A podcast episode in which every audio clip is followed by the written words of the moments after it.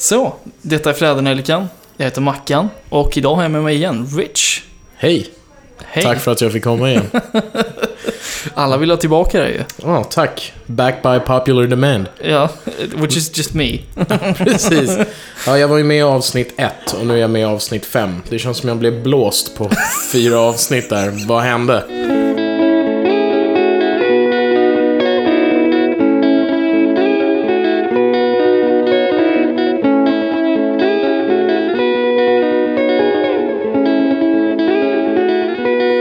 Vad snackade vi om förra gången då?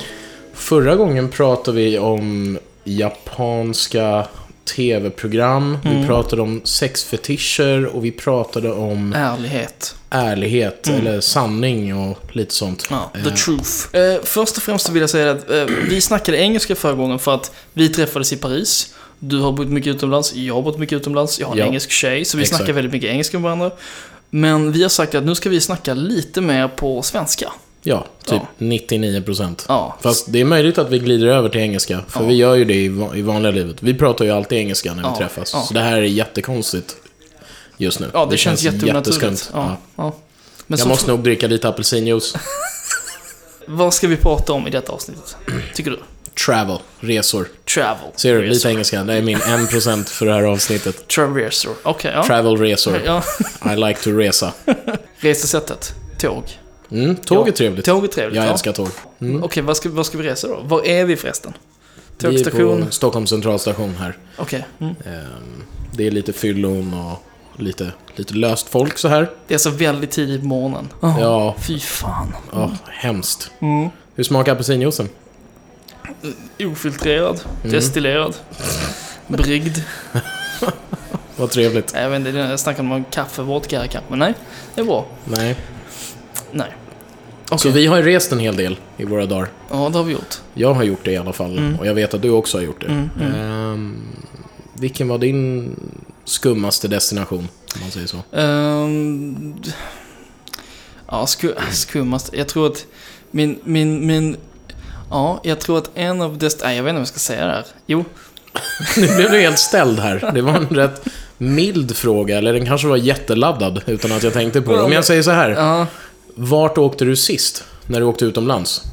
ehm, vad fan, jag åkte utomlands Även om det är svårt att åka utomlands med tåg om man inte åker till Danmark. Jag misstänker det går att åka tåg till Norge och Finland om man är vid gränsen någonstans. Mm.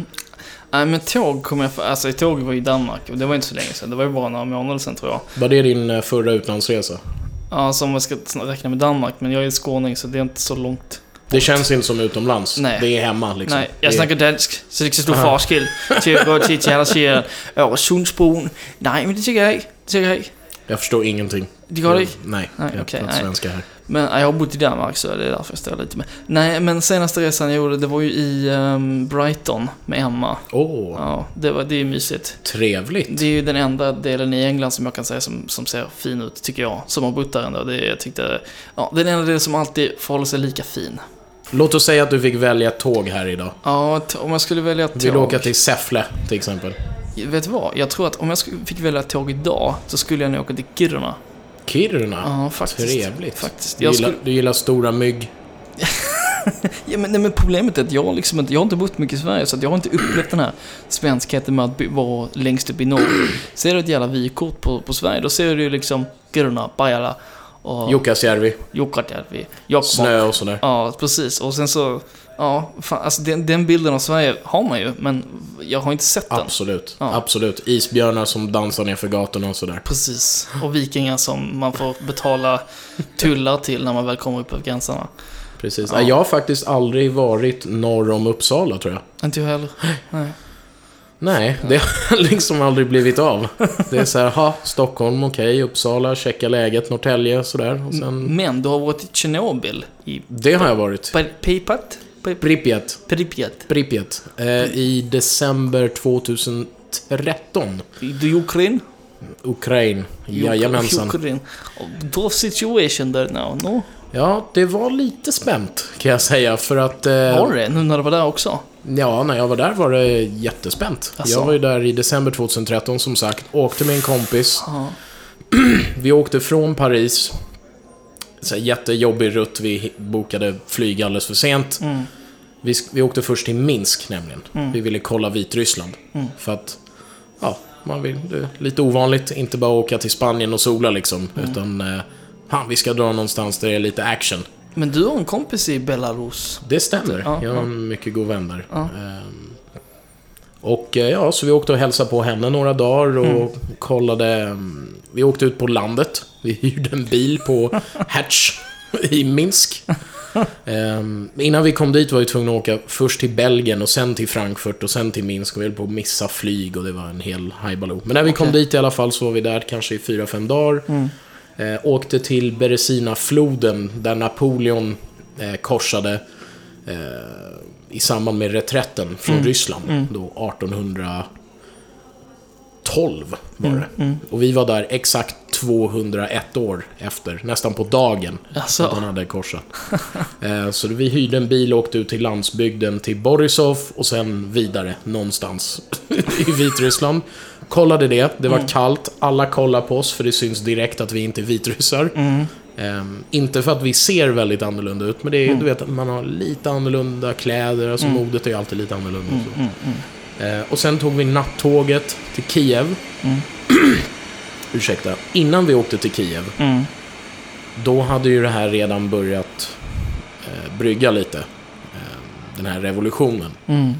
Det hade till och med börjat innan vi åkte till Minsk. Och vi tänkte, äh, det löser sig. Mm. Sen när vi var i Minsk, då började det bli ännu värre och vi tänkte, äh, det är nog lugnt. Så, vi är nog inte ens i närheten. Eh, Så när vi kommer till Kiev tidigt på morgonen, vi har tagit eh, ett gammalt sovjetiskt tåg, Vita Storken, som det hette. Mm, the White Stork, vad det nu är på ryska. Ehm, jättetrevligt, man träffar massa människor, sitter i restaurangvagnen och Mm. äter borst och snackar med Ja, bara så här, folk som ska åka och var, vart- man får höra var de ska och var Mm. de är ifrån och sådär. Så tänkte vi, vi bor nog jättelångt ifrån smeten. Kommer ut tunnelbanan, vi bor mitt i smeten. Precis vid Majdan-torget, Ja. där barrikaderna var. Där bodde vi, i en av byggnaderna som vetter mot torget. Så varje morgon tog vi kopp kaffe på balkongen och tittade ut över barrikaderna. Så vi var verkligen mitt i smeten. Mm. Och sen åkte vi till eh, eh, Vi åkte till Pripyat och Mm. till Tjernobyl och kollade där. Vi kom väldigt nära reaktorn faktiskt. Jaså? Kanske ett par hundra meter ifrån. Alltså. Finns, jag har bilder när jag står och vinkar liksom. Hej, här är jag, kolla. Reaktor 4 i bakgrunden. Men fick du se den här... ehm, Det var väl under en typ av speciell dag i Ryssland som de hade typ nöjesfält? Precis innan det hände? Ja, så här var det. De skulle fira första maj. Just det, Och så det är var ju en jättestor dag. Mm, Var väldigt stor mm, i Sovjetunionen då. Eh, Så att de hade ju börjat förbereda, de skulle öppna ett nöjesfält i och med det. Och Pripyat, som är en jättestor övergiven stad nu, var ju en sån här, eh, vad ska man säga, en typstad. Det var en sån här idealisk stad. Och alla som bodde där var antingen forskare eller arbetare vid då kärnkraftverket. Och deras familjer. Så det Mm. var liksom, jag tror det var någonting typ 100 000 människor. Jävlar. Så att, ja, lite som Eskilstuna typ. Mm, Och var det, tror jag, 26 april under natten då det här inträffade. mm. Och det tog, tror jag, ett par dagar innan evakuationen verkligen ägde rum. För att jag tror inte folk och myndigheterna insåg hur pass allvarligt det var Mm. redan i början. Det tog liksom lite tid innan de hade förstått vikten av det här. Och, Mm. och, och allt hade, alla beslut hade fattats tills Mm. eh, lokalbefolkningen evakuerades. Och ingen har varit tillbaka dit sedan dess. Alltså, det, det går ju inte att bo där på hur länge Nej, som helst. De har ju sanerat allt. eh, Röda armén var ju där och de sanerade och de liksom skrapade bort den översta jord, jorden och Mm. De har ju tömt alla byggnader, krossat alla fönster och försökt skrapa bort så mycket som möjligt. Men Mm. det kommer ju inte att gå att bo där på säkert hundratals år. Alltså. Mm. Man fick ju inte nudda någonting. Nej. Nudda ingenting, ställ inte ner några väskor. Akta er. Och, och, hur- men hur kommer du till... Jag antar att om du satte dig på en stol så skulle du, be- du behöva... Bli grön. Ja. Börja självlysa. Ja, vi fick ju gå igenom eh, maskiner på Mm. vägen ut. Lite som flygplats eh, Mm. säkerhetskontroll. Mm. lite metalldetektor-style, men man får ställa fötterna på ett visst ställe, händerna på ett visst ställe och så känner den av strålningen. Det fick vi göra i flera etapper på vägen ut, bara för att, de skulle vara hundra. De gick ombord på bussen med geigermätare och kollade så att man inte hade plockat med sig något radioaktivt. Eh, ja, så det var en rätt intressant resa. Men alltså det finns ju, då antar jag att det finns skolor där inne också. På stället. Ja, alltså i Pripyat besökte vi inte några skolor. Ni var, var ni inne i byggnad? Ja, vi fick faktiskt gå in i en byggnad. Ja. Det är tydligen rätt ovanligt. Alltså, Vi fick gå in i en sporthall. Man fick Ja. se liksom basket, eh, ja. basketplan och en tom simbassäng och, och lite sådär. Och så fick vi utanför Pripyat, eh, i själva byn då, Tjernobyl, där det faktiskt bor folk. Mm. Halva byn Tjernobyl, alltså hela byn är sanerad. Mm. Och halva byn är så pass sanerad så att det faktiskt bor folk där. Och det är liksom militärer, folk, eh, du vet, sjuksköterskor, Mm. läkare. Det bedrivs ändå verksamhet där fortfarande. Okej. De håller nämligen på och bygger en ny sarkofag. Som det heter. Ja. Som de ska täcka kärnkraftverket igen med. Eller Okej. just den här reaktorn. För den börjar ju läcka nu. För det har ju gått så pass många år. Det är ju Jaså? över 30. Nej, det är Eh, Sen, nästan 30 år. Ja. Och så att snart kommer det ju börja läcka rätt mycket. Så att det är faktiskt ett franskt företag bland annat som är där. De håller på och bygger en ny sarkofag som de ska köra över på räls. Så att det, bo, det är ändå rätt livligt. Det händer ändå lite saker i Tjernobyl. Eh, så fick vi se monumentet över eh, de här brandmännen som var då först på plats. Jag tror det var ett dussin brandmän som dog när de försökte bekämpa elden där. Som, eh, som härjade då. Precis när, det, när härdsmältan hade inträffat. Och det monumentet hade faktiskt bekostats av donationer. För att, som vi, blev förk- som vi fick förklara till oss, att staten erkänner inte att de här människorna dog av det här. Jaså? Eh, Så att det är helt bekostat av donationer. Och det är väldigt, eh, väldigt rörande att se. Eh, Och väldigt tråkigt att staten inte erkänner de här människorna. Ja. eh, Att de har dött på det här sättet. I den här katastrofen. Så att, och dödstalen är ju mycket, mycket, mycket större än vad de officiella talen. För det är ju ingen som håller koll på, Nej. eller det är väldigt svårt att hålla koll på de här hundratusen människorna. Ja. De blev ju alla drabbade. Ja. Och alla, tänk alla mutationer av generationer av folk som Ja, kom vi efter vet det. ju inte. Nej. Vi vet ju inte. Det kan man ju bara veta om några hundra år. Men vad som egentligen hände. Men lever någon fortfarande som alltså, är grovt muterad som kanske klarat sig Alltså från... många har ju fått cancer som bodde där då Mm. Ja, ja. och som var tvungna att bli evakuerade. Mm. Vad jag har förstått har jättemånga dött i förtid. Mm. Men då myndigheten är så här, nej, nej, det är, det är en slump. Att det- alla, alla de här har jättemycket cancer. Men det är ju jättesjukt att... Att soldater som har varit där och sanerat också har drabbats jättemycket. ja, ja, det kan jag tänka mig. Så, så vad är maxtalet för man, hur många timmar man kan vara där? Typ en, två, en timme? Alltså timmar? i början, Mm. när de höll på att röja, eh, när, när branden var släckt och de Mm. höll på med röjningsarbetet runt reaktorn. Vi snackar minuter. Jaså, det var så jävla illa? Ja, ja. Alltså, folk, de fick ju brännskador och grejer. De hade ju... Alltså, utru- det var så pass mycket strålning. Så att den utrustningen räckte ju inte så mycket som de hade. Och fantast- fantastiska ingenjörer där hade byggt robotar på plats. Ja. Alltså arméns ingenjörer hade byggt små jättepyttesmå kranar och hjullastare och grejer som de kunde styra upp på taket på reaktorn för att röja undan material och grejer som behövde röjas undan. Och då, så de arbetade dygnet runt i skift. Folk fick bara vara uppe någon minut. Sen fick de komma ner och vila igen typ två eller tre dagar eller någonting sånt. och de visade film också på vissa soldater då och de flesta verkade rätt glada för att de kanske inte insåg hur allvarligt det var, alla. Och de fick ju extra rationer med mat och vodka och sådär. Så de var rätt så här, hej, vi fick dricka lite extra, det här är ju kul. Men det är rätt tragiskt att se. Ja, jag kan tänka mig det. Men väldigt intressant. Det lär man ju inte se i uh, Jukkasjärvi eller Kiruna. Om du skulle vilja åka till Kiruna, om du nu vill det. Det är min dröm liksom, att göra det någon dag. Ja, det är inte min dröm, men eh, det vore roligt att se. Alltså, det är så stor del av landet som man inte har sett. ja, ja, det är Det ju ändå, inte. Du har ju ändå varit till 1968 eller 9, så det var ju världens största stad till ytmässigt då. Kiruna, Ja, världens största stad. Världens största stad ytmässigt till 1960 någon gång. Hur fan kunde det vara det? Ja, det är svårt att tänka mig. Ja. För jag tänker ändå, Peking måste vara rätt stort då. Nej, men alltså, jag tänker ytmässigt, inte människomässigt. Ja, ja, men ytmässigt. Mm. Hur lång, alltså hur många mil bred är Kiruna liksom? Jag vet inte, men jag har sett bilder, men tydligen så, så involverar de då gruvorna och kom, runt om, du vet, kommunerna runt om. Men det är ju alltså. liksom en administrativ grej. Det är som när man säger Precis. att London är jättestort Mm.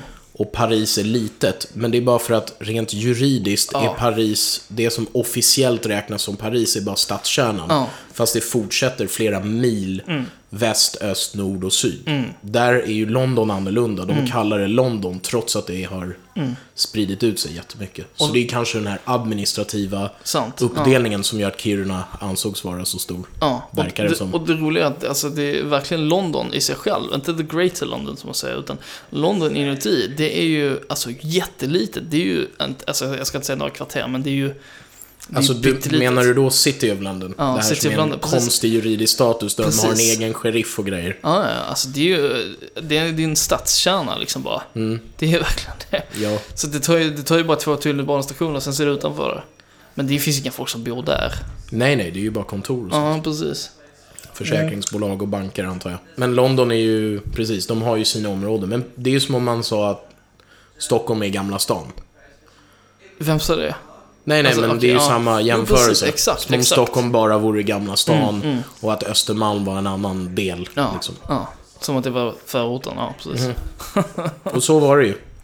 Ja, så var det För ju våra tiden, ja. farföräldrar och deras Ja. föräldrar. Ja, definitivt. Men hade man kunnat fatta ändå, för alltså, Gamla stan är ju egentligen borgarna. Inte kanske idag, men, men Gamla stan är ju gamla och borgar. Ja, det är ju den gamla liksom borg, borgens delen. Och sen så var ju Södermalm och Östermalm bönder.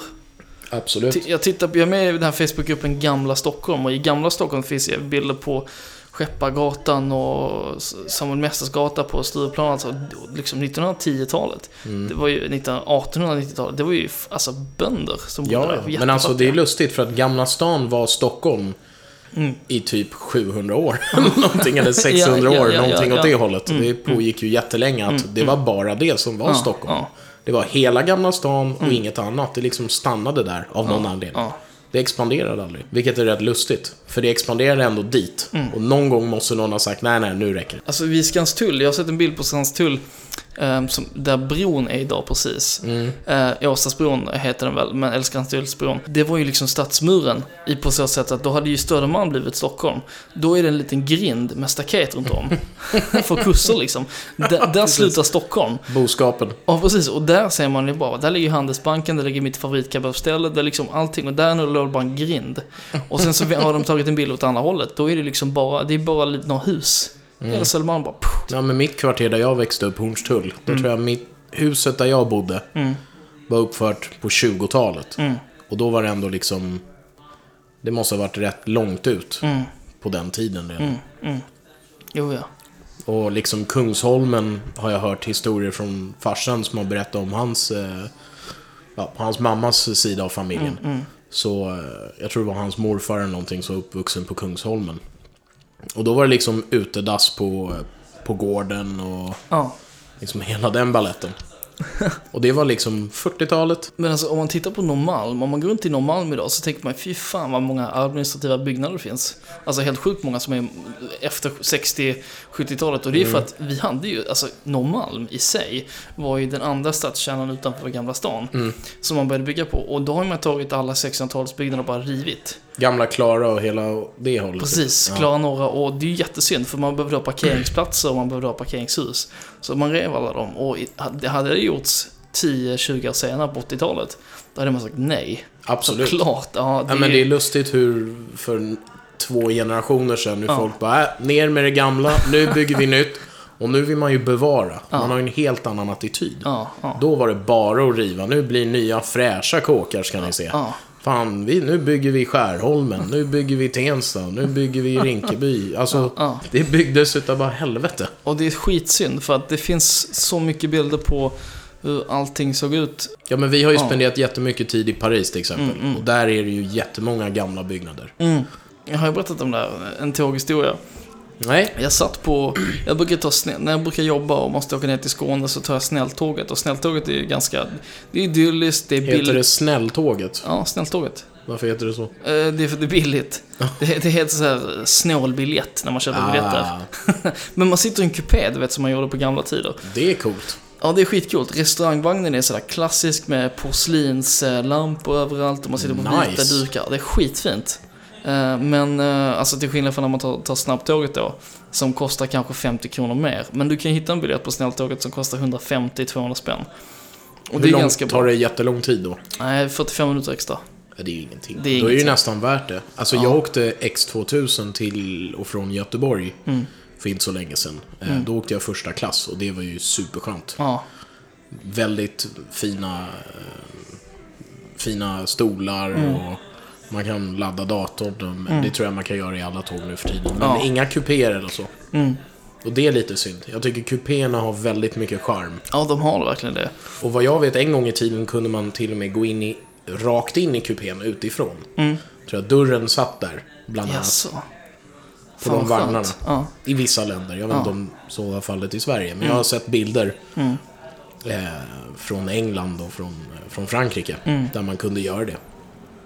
Ja. Där fönstret är liksom, Ja, i ja, ja. kupén. Där kunde man gå rakt in. ja. Undrar om det var mest för att de skulle lasta väskor och så, kanske.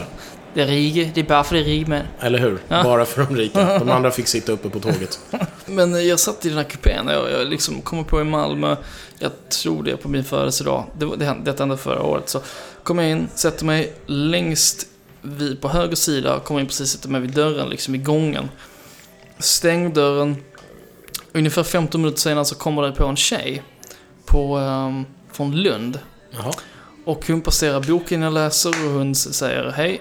Jag tittar ner i boken, så tittar jag på henne och hon sitter mitt emot mig, fast till höger i fönstret.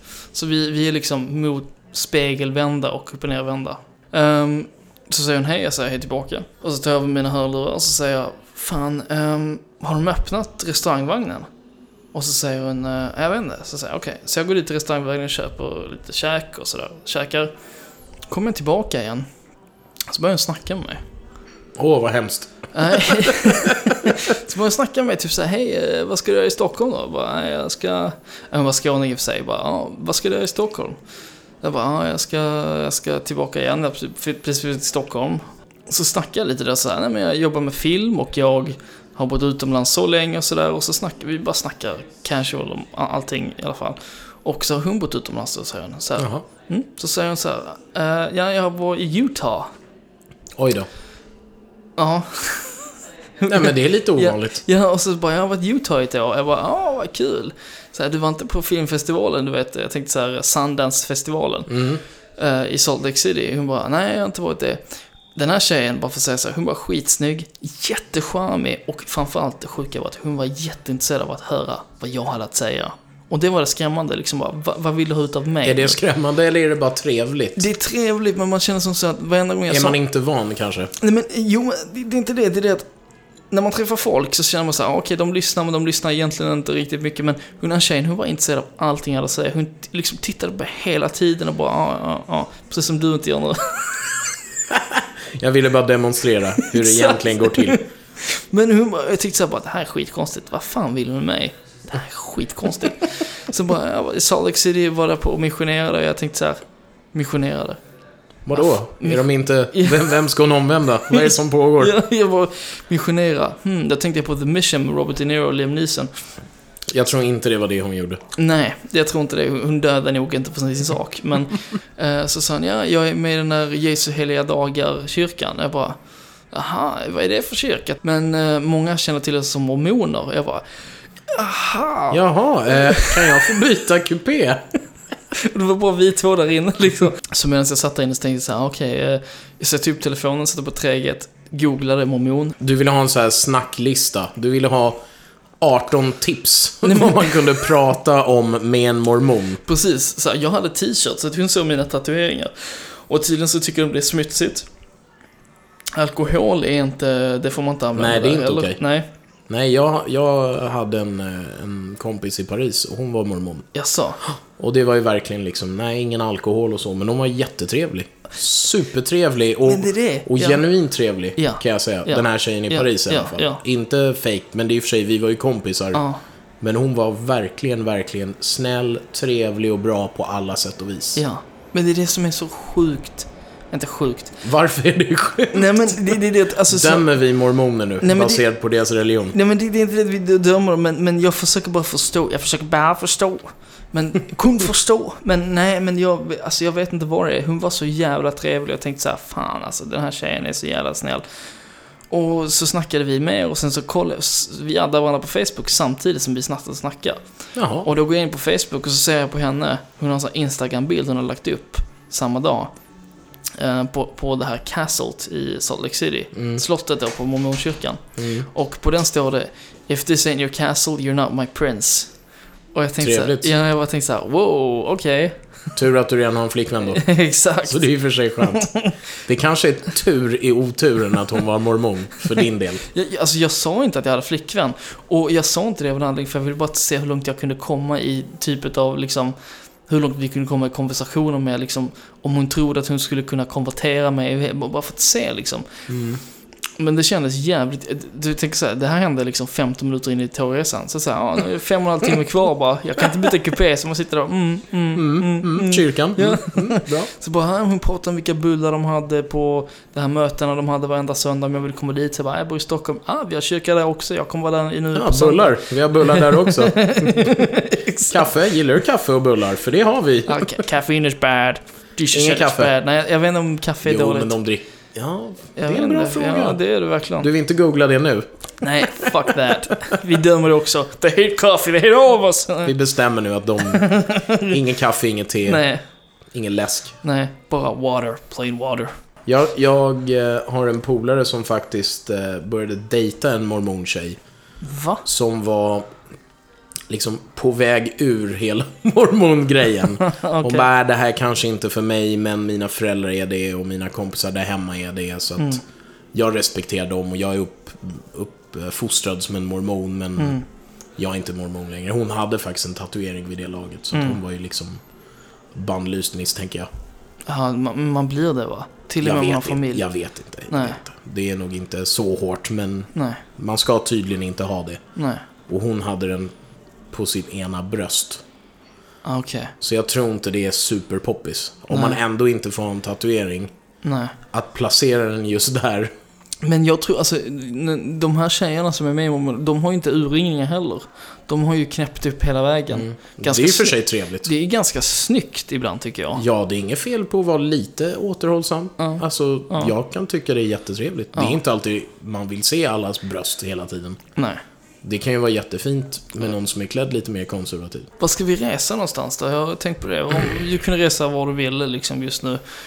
Vi sitter på centralstationen, klockan är halv sju på morgonen. Det är fortfarande fulla människor ute. Var ska vi ta vägen? Jag skulle vilja ta ett tåg upp till norra Sverige och sen byta till ett tåg genom Finland och sen ta mig till Ryssland. Forts förbi Murmansk. Mhm. Fortsätta, kanske ta mig till Kazakstan, till Baikonur, där de eh, skjuter upp eh, eh, raketer. Jag skulle precis säga, raket- de har ju sånt äh, astronautprojekt där, eller vad Exakt, heter. det är ju där Sovjetunionen har skickat upp alla raketer och Ryssland Mm. fortsätter. De har ju avtal med Kazakstan. Ja. Mm. Och eh, där våran svenska astronaut har, eh, tror jag, skjutits upp därifrån. Christer. Fugesson? Jajamän. Jaså? Han eh, måste ju ha skjutits upp där. För han är ju en ESA-astronaut. Mm, mm, mm. Och de har ju avtal med ryska Roskosmos. Inte kosmonaut?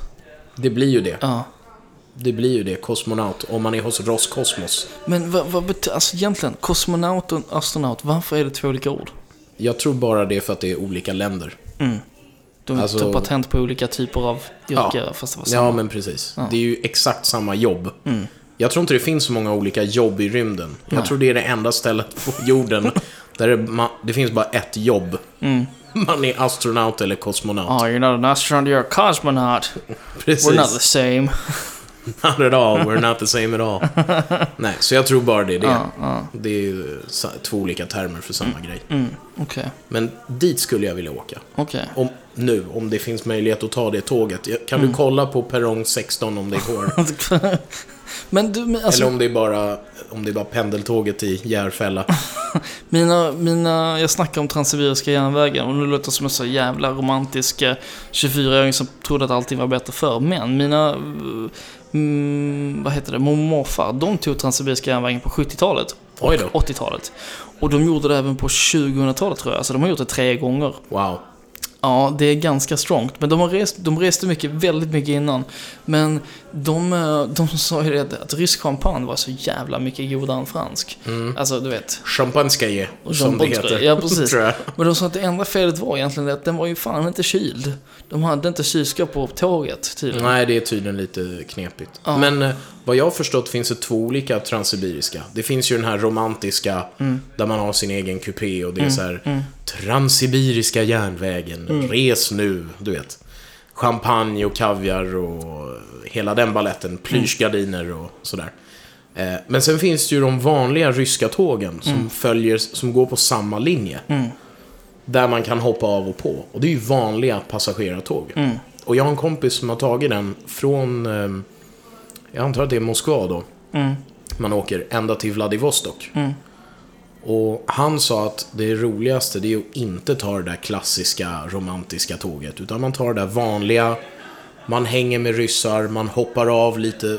Vet, det går att gå av och på. Man kan köpa en biljett sådär, som en tågluffarbiljett. Man kan hoppa av och på, man kan gå av i någon by och träffa lite folk och sen tar man nästa tåg liksom. Det skulle jag gärna vilja göra. Jag tror det är nog lite roligare. Det är ju där slumpen. För att bara sitta på ett tåg i sju dagar och skumpa kan nog vara lite tråkigt. Man vill nog hoppa av och sträcka på benen och dela hytt med någon konstig ryss. Och, du vet, träffa nya kompisar och gamla gummor som går på tåget och säljer mat lite här och där. Och, Är det så fortfarande på dem? Alltså, det, det, det, min mormor får berätta, det var ju att de tog ju det klassiska. Mm. Men de sa att det de tog på 70-talet var inte klassiskt. De sa att det var, de, de satt, de satt i andra klassens kupéer på det på 80-talet. Men det andra klass egentligen var typ tredje klass om man tänker på Våran standard. Precis, så att första klass var ju andra klass egentligen. De sa att tredje klass måste ha varit skitdålig då. Men de klagade inte så mycket, men de sa bara att det var liksom så väldigt konstigt att de inte fick liksom, de fick inte mycket varm mat. Det, det var alltid rumstempererat all mat de fick. Mm. Och sen så första klass fick varm mat och det är så, så här enormt, men det var ju under Sovjet såklart, 70 och 80-talet. Mm. Men jävlar, det tog ganska lång tid. Så de bara, hur långt tog det? "Ja, Vi satt på det tåget i många, många dagar. Bara, Jaha, vad gick ni av tåget? Nej, inte så mycket. Vi satt där mest. Så Mm. Nej, men de satt och snackade med varandra i åtta dagar typ. Exakt. Och åt rumstempererade smörgåsar och... och Ja, och eh, kaviar och champagne. De var ganska fulla tror jag nog, hela tiden. det är rätt schysst. Ja, det är det. Men Om man ändå ska ha en sån resa. ja, De har väldigt gott te, det kan jag säga. När, eh, när vi åkte från Minsk till Kiev, då var det ett sånt där eh, tåg som de åkte på den tiden. Det här lite sämre Sovjet-tåget. Mm. Ehm, det var ju så. Vi, jag och min polare, vi delar ju hytt med en snubbe till. Och det skulle kunna ha varit en fjärde snubbe, men det fanns ingen som hade bokat den. Mm. Britsen. Och där kommer ju, varje vagn har ju en provodnica, Mm. som det heter. Som är li, lite en, eh, ja men som en värd, en tågvärd. Mm. Som har hand om sin vagn. Som gör lite försäljning och fixar te. Man kan knacka på, hej jag skulle vilja ha te. Då har de en samovar där, de fixar te. Mm. Och man kan köpa choklad och... Mm. Det är rätt schysst faktiskt. Mm. Det är rätt roligt. Men jag tror att det blir nog jobbigt i åtta dagar. Mm. Men och då det, är det ju schysst att kunna hoppa av. En Vad hände med Orientexpressen? Var inte det typ Paris-Istanbul eller ja, någonting sånt de, där? Parislinjen har lagt ner. Mm. Mm, det vet jag, men eh, jag, har se, jag har varit inne i Orient Express ett par gånger på, i London på The British Museum. Men det, alltså, det är ju en sån där... Det är också sån här gammaldags Ja, plysch. Alltså, alltså, Orient Mycket Express. rött och trä. Jo, men alltså Orient Express, jag tänker mig nå- någonting nästan fiktivt. Jag tänker mig något Sherlock Holmes-aktigt med smak på, på tåg och mord och sådär. Men det är ju på grund av filmen och boken.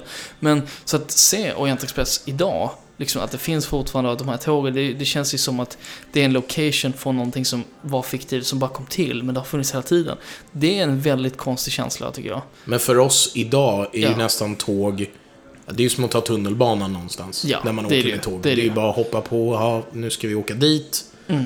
Det är det här punkt A till punkt B. Man vill ju inte att de ska åka 80 km i timmen, liksom. Alltså, vad Så fan. jättesoft, ta det lugnt. Nej, men liksom. Men det var ju för att tågen inte gick mycket snabbare då. Nej, så det precis. var ju bara så. Men hur ser Orient Expressens lokomotiv ut? Eller de är, måste ju vara maskindrivna såklart.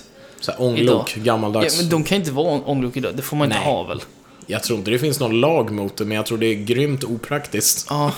Och tydligen, min pappa berättade att man blev alltid jättesotig Mm, när man åkte med ånglok. mm, och för om det är varmt så öppnar man fönstren sen Ja. kommer ju soten in. Precis, man åker in i en tunnel. Exempel. Nej men Ja, det, ja, det är det tydligen måste vara sant. jobbigt, ja. Ja. Så det är ju rätt bra. Nu, jag tror, misstänker att alla tåg är elektriska idag. Mm. Det måste väl bara finnas någon så här på någon stängd bana där de kör ånglok. Kanske för turister någonstans. Mm. Ja, det typ veterantåg som finns ett par Ja. dagar om året liksom. Ja. Ja, entusiaster och så. Mm. Kanske vissa nöjesparker har. Eller såna här westernstäder som finns i Amerika. där man kan låtsas att det är vilda västern. Ja. Där kanske man kan åka diligens och ångtåg. Och, eller, ja. Du, när, varenda gång som jag är och filmar IKEA-reklamer eh, så jag, kommer jag till Älmhult. Älmhult är ju kapitalet, liksom, storstan av IKEA. Kapitalet. Ja, och det finns ju ingenting där att göra. Liksom. Det finns ju det finns ett par restauranger, det finns ett stort ICA, allting är bygg, uppbyggt på IKEA, alla jobbar för IKEA. Men, då, Pizzeria Istanbul. ja, men, ja, men det finns liksom, alltså, men det är ganska fint där, det är ganska mysigt ändå. Men då bor man alltid på det stora hotellet i Osby. Osby heter det. Är det sådär. Stadshotellet kanske? Nej, Stadshotellet kanske det. Ja, det, är det som ligger mitt i Osby. Och, För varje stad hade ju ett stadshotell en gång i tiden. Ja, det, var liksom, det var där allt hände. när, eh, när vikingarna turnerade runt på 70-80-talet, då Ja. var det ju dit de kom. ja, precis. Och hela stan var då Ja. på stadshotellet och kollade på det där. Ja. Och åt och drack och dansade och hade roligt. Det här var... Och där bor du nu. I en slags... Varenda gång man kommer dit så bara, bara, bara vi ska i dag- Ikea de dagarna, bara, ah, okej, Osby, ja, fint. Och sen så när man kommer dit så tar man alltid, jag, tar, jag, jag vet att, för jag brukar ta min bil upp dit. Jag tar alltid en annan sväng innan jag kommer in precis in i centrum. För att precis innan hotellet så kommer det en, ett stort kvarter Mm. som bara är cowboybyggnader, alltså westernbyggnader. Vadå, som en eh, eh, temapark? Nej, men alltså den är, den är uppe på, det är liksom en, en riktig gata, en riktig kvarter. Fast det är bara att alla husen där är western-inspirerade. Bor folk där? Och det är det som är så sjukt. Jag typ sa till Magnus, min chef, bara, eh, vad är det här? Så han sa, har du sett Ola och, Ola, Conny och Morgan? Programmet när de är ute och reser. Jag bara, nej men jag vet vilket det är. Bara, ja, när de går in på en resebyrå, då går de in där. Så jag bara, jaha, varför då? Bara, nej, det är bara för att det gör showen lite coolare. Så tittar jag genom fönstret så här, och de- säljer eh, cowboygrejer. Bara typ så här flera hus som bara, ah, vi Så gillar... Ja men det är typ, tänk om hela den här De bara, gatan... det här gillar vi. Vi styr upp det här. Nu ska... Den här gatan måste man ha boots och hatt. Och det finns en sheriff. Och är det lite så? Ja, men alltså, I Älmhult. Jag har aldrig varit inne där, men det, eller Osby, men jag har aldrig varit inne Osby. där. Det är liksom bara... Jag vet inte, jag fattar inte det. Och sen så är det någon häst och vagn utanför. Och sen, men det är inte så här, det är ju butiker, det är ju jättemycket grejer. Så det måste vara folk som bara är jätteentusiastiska med den här cowboygrejen. Fast så ligger det mitt ute i ingenstans heller. Någon fick för sig. Någon fick och för sig. fick Ja. grannarna att haka på. Nu har vi pratat lite om tåg. Mm. Ehm, andra resesätt som vi uppskattar. Vet du vad? Jag har alltid så här, men du vet, jag såg på Titanic eh, dokumentär nu om liksom Mm. att, att eh, Bill Paxton och James Cameron, de åkte ner efter de har gjort Titanic-filmen och filmade, det är en hel dokumentär alltså, de åker ner och filmar Titanic och sånt där. Då tänkte jag så här, fan finns det mycket båtar, färger liksom som åker korsar Atlanten? Det finns ju, har jag hört. Ja. Det ska kunna gå att göra. Ja. Och jag tror, jag tror det tar kanske en vecka eller något sånt där. Ja. Jag kanske Ja, hittar på nu. men nej, det nej, känns men- som en rimlig tid. jag trodde för Titanic skulle ta 13 dagar eller sånt där. Eller På den tiden. Ja, precis. Det är ju hun- det är 102, 103 år sedan. Typ för, om några dagar är det 103 år sedan. Mm. Men, ehm, så när jag jag så här på, liksom, om man ska importera en bil från USA, hur gör man då? Jo, då kan man ta sådana här transportskepp. Mm. Och sådana transportskepp, de tar 12 eller 10 passagerare per gång. Det stämmer. Ja, Det har jag också hört om. Ja, Alltså. det finns, alltså det finns, det finns pingpongbord, det finns en liten kantän. Sen får man sitta där en vecka. Det är ganska lång tid att resa en vecka. Mm. Och kan du tänka dig om det liksom börjar storma ut Då kan man inte hoppa av liksom heller som på ett tåg. Det stannar någonstans i Ryssland där man alltså- kan hoppa av. Alltså, här men kan du tänka dig resa liksom en vecka? Och då menar jag inte så här hijack, eller hijack, eller hitchhika eller liksom tågluffa. Utan verkligen sitta på en båt i sju dagar. Det är nog ganska på Men jag tror det är för att man är så här. Jag har sju bilar jag ska ta med mig och jag vill inte lämna dem. Ja, precis. Typ. Eller jag har en container full med mjöl. Det ser ut som mjöl. Och jag vill importera det till Europa. Mm. Gömd bakom några banankartonger. Eh, och jag vill inte lämna det ur min sikte. Nej men, min mor var lite inne på det. För kanske en 15 år sedan eller någonting. Hade Alltså. hon kontakt med någon Mm. som, tror jag, jobbade för, för ett rederi då. Mm. Som eh, körde sån här transport runt Medelhavet. Shit, ja. Och vi var faktiskt lite inne på att göra det en, inte en hel sommar, men ja, i tre veckor eller något sånt. Mm. Och det fanns möjlighet, då är det ju inte sju dagar, då är det kanske två, tre dagar.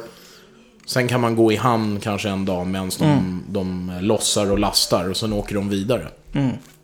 Och det skulle tydligen vara superbilligt och tydligen rätt intressant. Mm. Bara som en, så här, an, ett annorlunda sätt att, att se Medelhavet. Mm. Så det skulle jag nog kunna tänka mig. Mm. Mm.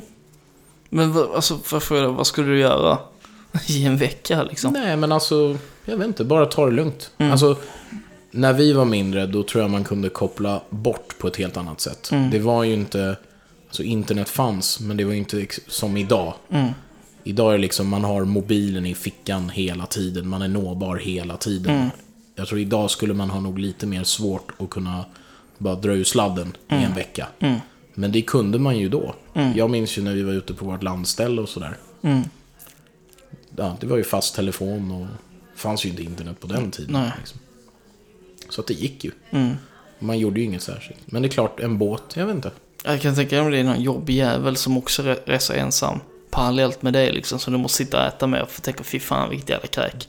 Så kommer han där dagen efter och bara kommer sätta sig bredvid dig och bara fy fan sex dagar till man har kräket. Fan vilken osis.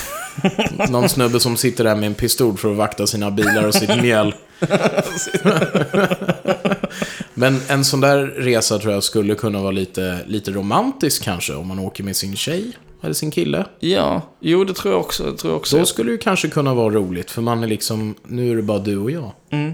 Det skulle vara kul att få en tour liksom. Alltså, kanske inte jobba på båten, men liksom att bli runtvisad hela stället och allting sånt där. Ja, absolut. Det finns Gå och kolla hel... i maskinrummet och kolla Ja. på de här stora dieselmotorerna. Ja. Hur många, vilka fler sätt finns det att resa på? Eh, bil. Bil? Vi har ju bilat mycket till Frankrike när jag var liten. Vi också, ja. ja. Och så bilade vi en gång från Stockholm ända till Beirut. Jävlar. 1994. I Libanon. Mycket genom före detta, eller nuvarande Östeuropa, men före detta järnridå-länder. Mm. Och det var lite, det var väldigt intressant, men det var lite läskigt bitvis. Mm. För det var ju, pågick ju krig i eh, Jugoslavien då. Mm. Och vi körde in av misstag, för det fanns ju ingen gräns. Mm. De var för upptagna med att skjuta på varandra. Mm. Så att vi hade kört in bra många mil in i Jugoslavien tills vi stoppades av militärpolis med stridsvagn och liksom de bara eh, Vad gör ni här? eh, var vänliga och vänd och kör ut härifrån. Var du rädd då? Jag? Ja. Jag var rätt rädd. Ja, Ja. Jag var nio år gammal då. Ja. Och det var mamma och pappa och jag och min storebror. Ja. Och så en av de här soldaterna hoppade in i, eh, i våran bil. Vi hade en van, vi Mm. körde en skåpbil. Han hoppade in och jag tror satt med, med öppen dörr. Jag tror han ville med en bit av vägen. Mm. Eh, och så ville de nog vara säkra på att vi verkligen drog därifrån. Mm. Eh, han hakade på lite grann, satt där med sin Kalashnikov i, i bilen med oss. Eller i skåpbilen med oss. Det måste ha varit Sen jobbigt. hoppade han av och skulle säkert hälsa på någon moster eller någonting och sen drog vi vidare. Men så att man kan ju åka med bil. Mm. Det är, det är nog det jobbigaste transportmedlet Mm. för mig. Ja, jag, Jag kan tror- tänka mig det också. Jag tror det går tåg, Mm. sen kommer båt. I bästa, alltså bästa Ja, situationen. Bäst, Ja. om man fick välja. Säg Mm. att du skulle ta ja, men en, en Stockholm-Malmö, Mm. om jag fick välja. Mm. Helst tåg. Mm. Sen kommer, ja, båt blir ju bökigt för att det är tid. Men Mm. låt oss säga, bekvämlighetsmässigt tycker Mm. jag båt är jättetrevligt. Mm. Och sen kommer flyg, Mm. för det är mäckigt. Man ska till flygplatsen och man ska gå igenom säkerhetskontroller och de är rätt otrevliga av någon anledning alltid. Och så kö, så ska man vänta på Kö- boarding det och... är kö överallt. Det är, Ja. Man köar hela vägen Mm. hemifrån tills man kommer fram. Mm. Och sist kommer bil tror jag. Mm. Ja, Fast alltså, på ett sätt kan ju bil också vara befriande. ja, det är ju befriande på ett sätt, men problemet är att om man reser själv eller om man reser med två människor och man kör under långa sträckor och liksom kompisen man bredvid har en liksom kan inte köra som min tjej liksom. Om jag, jag och min tjej ska, som vi ska till England nu ganska snart, eh, då är det jag som, som liksom Ska ni bila? Ja, vi ska bila Oj, från oj, London oj. till... eh, Ja, men det är. Alltså, England... Ja, från London, inte härifrån. Nej, vi ska nej, inte köra fan. ner till Frankrike och sen ta tunneln och... Nej, vi, vi kör från... eh, Vi kör från... Hade vi kört härifrån hade vi kört via Esbjerg i Danmark till... Men det är ju en lång bit. Alltså, Sverige är stort som in i helvete. England är skitlitet. Storbritannien är skitlitet. Jag har hört att om man vänder på Sverige, Mm. alltså man behåller Skåne där nere och vänder på Sverige så kommer man en bra bit ner i Italien. Mhm. Så lång, avlångt är Sverige. Mm, mm. Det är ett jättelångt land. Mm, Så det är verkligen. verkligen lång tid att köra igenom det. Ja, verkligen. Och så är det inga autobahnhastigheter heller. Nej, precis. Alltså att köra från Skåne till Stockholm, det tar ju sina goa åtta timmar eller något sånt där. Mm. Kan du tänka dig att köra från eh, liksom Skanör, som jag, där jag är från, sydvästraste punkten någonsin till Kiruna? Det måste ta flera dagar. Mm. Ja, Jag vet att... Ja. Brorsan åkte upp till Gällivare för, för inte så länge sedan. Mm. Jag tror det var typ 12 eller 14 timmar. Och det var från Stockholm. Ja. Det kan ha varit längre än så, Mm, kanske mm. 16 timmar. Nej, Jag vet inte vad. Men det är ju liksom, det är en bra bit. Då kan man fan inte köra själv om man inte gör många Nej, nej, det går inte. Nej. Nej, nej. Man blir ju hur trött som helst. Mm. Bilresor, där måste... Ja, måste ju vara mer än 50% utav resenärerna vara, kunna köra liksom. Mm, mm, Helst. mm. Eller liksom två föräldrar och två barn. Då är det ju bra om båda föräldrarna kan, Ja, klart. Ja. kan köra, annars blir det jätteslitigt. Ja. Jag vet att morsan och farsan åkte ner från Stockholm till Paris Mm. rätt mycket när jag bodde där nere. Mm. De brukade åka typ dra tre på morgonen eller någonting Mm. från Stockholm eller fyra på morgonen och sånt där. Mm. Och en gång så bestämde de sig för, nej fuck it, vi stannar inte och vilar. För de var, det hade gått så pass bra. Mm. Då kom de till Paris tre på morgonen. De, alltså, de, de körde nästan 24 timmar i sträck utan att... Det enda de stannade var färjorna mellan eh, Sverige och Danmark. Mm. Och sen eh, tror jag att Danmark och Tyskland tog Mm. en till färja. Mm. För att det skulle gå snabbare, så Mm. de slapp köra genom Danmark. Mm. Eh, Tänk dig det, 24, och det är ju bara farsan som kan köra. Jaså, fy fan. Ja, och de var kanske i 65-årsåldern eller något sånt där. Mm. Så det är ändå rätt strångt. Ja, Då, då, är man, då är man rutinerad. och de körde från Stockholm också. Mm. Ja, ja, det är ju inte... Kör, kör man från Köpenhamn, Mm. regionen, eller som de kallar det för nästan, när man är i Skåne. Det är Mm. ju Köp, Malmö är Storköpenhamn nästan. Ja. Ehm, då är det ju mycket, mycket kortare. Alltså Ja. det är ju, då är det bara en dag till Paris. Ja. Från Stockholm är det två hela dagar. Ja. Jag tror det är 220 mil eller något sånt där. Ja, men det kan ju stämma. Jag tror att ifrån, ifrån där jag kommer ifrån till eh, Paris är det nog 120 mil. Mm. Och det tar väl en god 16 timmar någonting. Mm. Men mina föräldrar brukar sova i Holland ändå. För att de pallar inte Nej. den resan. Nej, Jag vet att mina föräldrar brukade sova någonstans i Tyskland Mm. eller Holland. Alltid samma ställe. Ja, exakt. Mina föräldrar också. Alltid samma jävla Och ställe. efter ett tag kände de dem. Men vi brukade åka från, vi brukade åka ner till, vi hade hus i något som heter Dolce Fregat som låg i Bandol. Ja. Ja. Och, Bra vin där. Ja, som in i helvete. Jag var besatt av att titta på den gamla vingårdens ruiner. Eh, Det är ty- vackert. Ja, tyvärr är de borta nu eh, efter några år. De blev väl skuttiga. Hur fan kan man ta bort ruiner från 16, 17, 16, eh, vad var det, 14 Också varför gör man det? De är redan ruiner. Jo, men- så fina... Skulle de bygga nytt eller? Nej, det var bara fina stenar som låg precis. Det var ju huset där de började vingården. Mm. I alla fall så kom man in och så är det så här gated community och allting. Och sen så hade vi hus där sen 93, något sånt där, eller vad det nu var. Och sen 1998, jag var åtta bast gammal. Det var VM. Brasilien var i Frankrike. Ja, Och brasilianska landslaget bodde på hotellet. Inne på nice. området, ja. Så vid poolen där, Wow. vinkade till brasilianska landslaget. Ja, fy fan vad kul. Och sen så säger brorsan, du, de kommer dra idag. Så jag säger, okej. Vad... Okej, vad, vad, ska vi gå dit då? Han bara, ja, det är klart som fan vi ska. Min brorsa är 10 år äldre, så han var 18 då, jag var 8. Jag hade en t-shirt där det stod eh, Olé, olé, olé, olé, du vet allting. Det, det, det, det, En riktig fotbolls-t-shirt för en åttaåring. Precis, och sen så en officiell, inte en officiell fotboll, men en som var liksom en re- replika som man kunde köpa då för 20 euro och sånt där, eller vad det var. Det var Eh, Frang då. Ja, det var Frank då var det, precis. Ja, jag vet inte hur mycket det var, men det var väl, ja, det var 200 spänn och sånt där. Så vi kommer dit då, till den här bussen utanför hotellet, i det här commu- gated community då. Och när vi står där, så är det fem poliser, eh, stängsel, Fast tänk så går liksom bara från hotellet några meter, sen tar det slut. Så sen får polisen ta över och guida dem dit, så kommer hela landslaget. Det finns ingen publik där, det är bara jag och min bror som står Nej, där. men det är ju ingen som vill störa dem och Nej, det är ju precis. en liten by. Ja, precis. Som dessutom ingen kan komma in i. Men det var bara för ifall någon skulle komma hit och massa folk och det skulle sprida sig. Så, så, kom, så står jag och min brorsa där. Jag är åtta bast, så det är klart att landslaget går fram till mig. Då kommer Ronaldo fram till mig. Wow. Och till, han, han, han kommer fram till mig. Han tittar liksom och stänger sig ifall jag ska skriva på bollen. Och eh, min brorsa hade med en penna och jag tittar på Ronaldo. Så tar jag min boll och bara vänder den bort mot honom. Bort från Ronaldo. För att jag vill inte att han ska skriva på den, för den var ju så fin och skinande boll. Oj, oj, oj. Den där... Oj, det där måste du ha fått äta upp ända tills idag. Ja, det, det, det var enda gång som jag tog med en tjej som jag verkligen gillar att träffa min familj. Då tar min bror och min mamma och min pappa alltid upp det här. Oj, oj, oj. Och det är lustigt för att ungefär samtidigt, Ja, då var jag i Italien. ja, Det var så... Ja, det där var ju under kanske några veckor senare. Ja. Jag var i Rom, vi var, hade åkt från Stockholm till Italien, vi skulle vidare. Du var Mellanlandning. 13. Hur gammal var du? Ja, då var jag 13 den sommaren. Vi skulle vidare.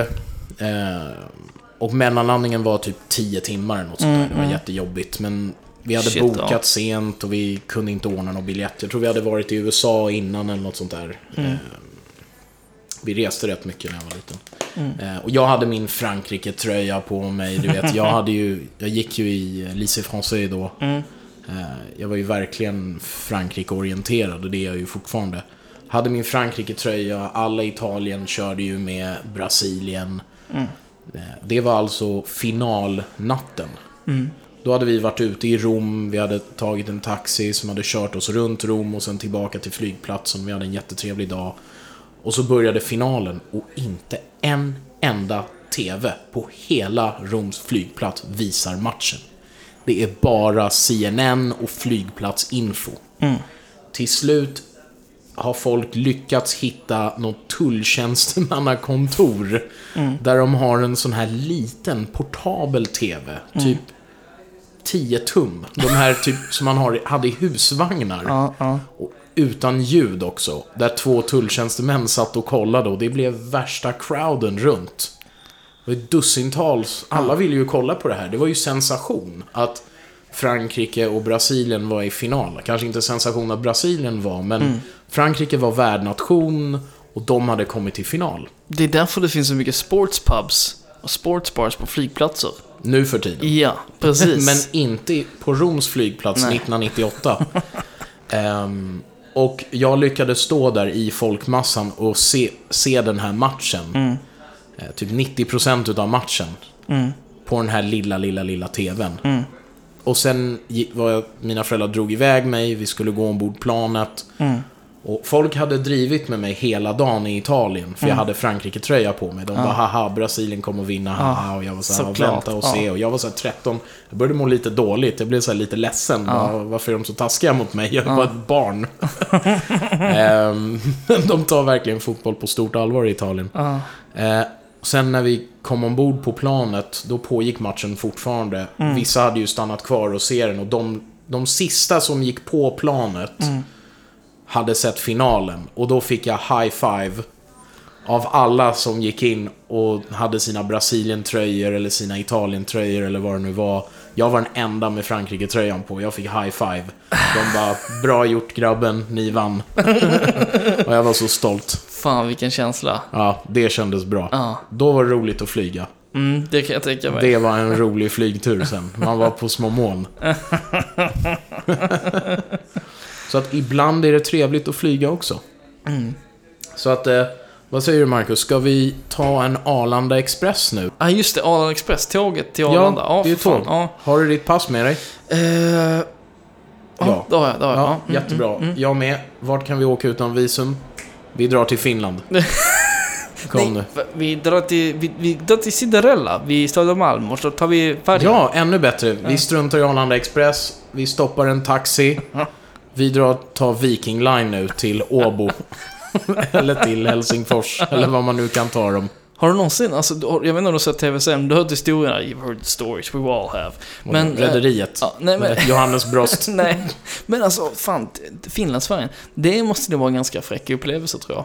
Alltså ha verkligen... Jag har varit en gång på en eh, sån här tur och retur Finland. Med mina föräldrar. Vi var bjudna på någons födelsedag. Någon, eh, en bekant till mina föräldrar som var finne. Han ordnade sitt kalas på en sån. Mm. Och då var det en sån här 24 timmars grej. Och jag var ju också liksom, jag var ju tonåring. Jag var 12, 13 kanske, i den, den åldern. 14 kanske. Det var inte så kul. För jag bara satt där och alla var vuxna och åt och drack och hade roligt. Och jag var så här, "Ha, nu är jag på en Finlandsbåt. Men gick du av i Finland och hade kul, eller du bara... Nej, vi, det, det var ju en sån här båt som vände, Ja. tror jag. Den, var ju, den la till och folk hoppade av och andra hoppade på. Så. Det är ju så sjukt egentligen. Det är rätt lustigt. Jag har aldrig varit i Finland. Men jag har åkt till Finland utan att, utan att gå av i Finland. Så det är lite som att... Tänk dig att du flyger till New York och är på JFK och bara... Ja, men nu vänder vi. Fuck this shit. Det är resan som är slutmålet. Oh, gotta love that airplane food. That's why we come here son. The airplane food. Ja, ja, ja.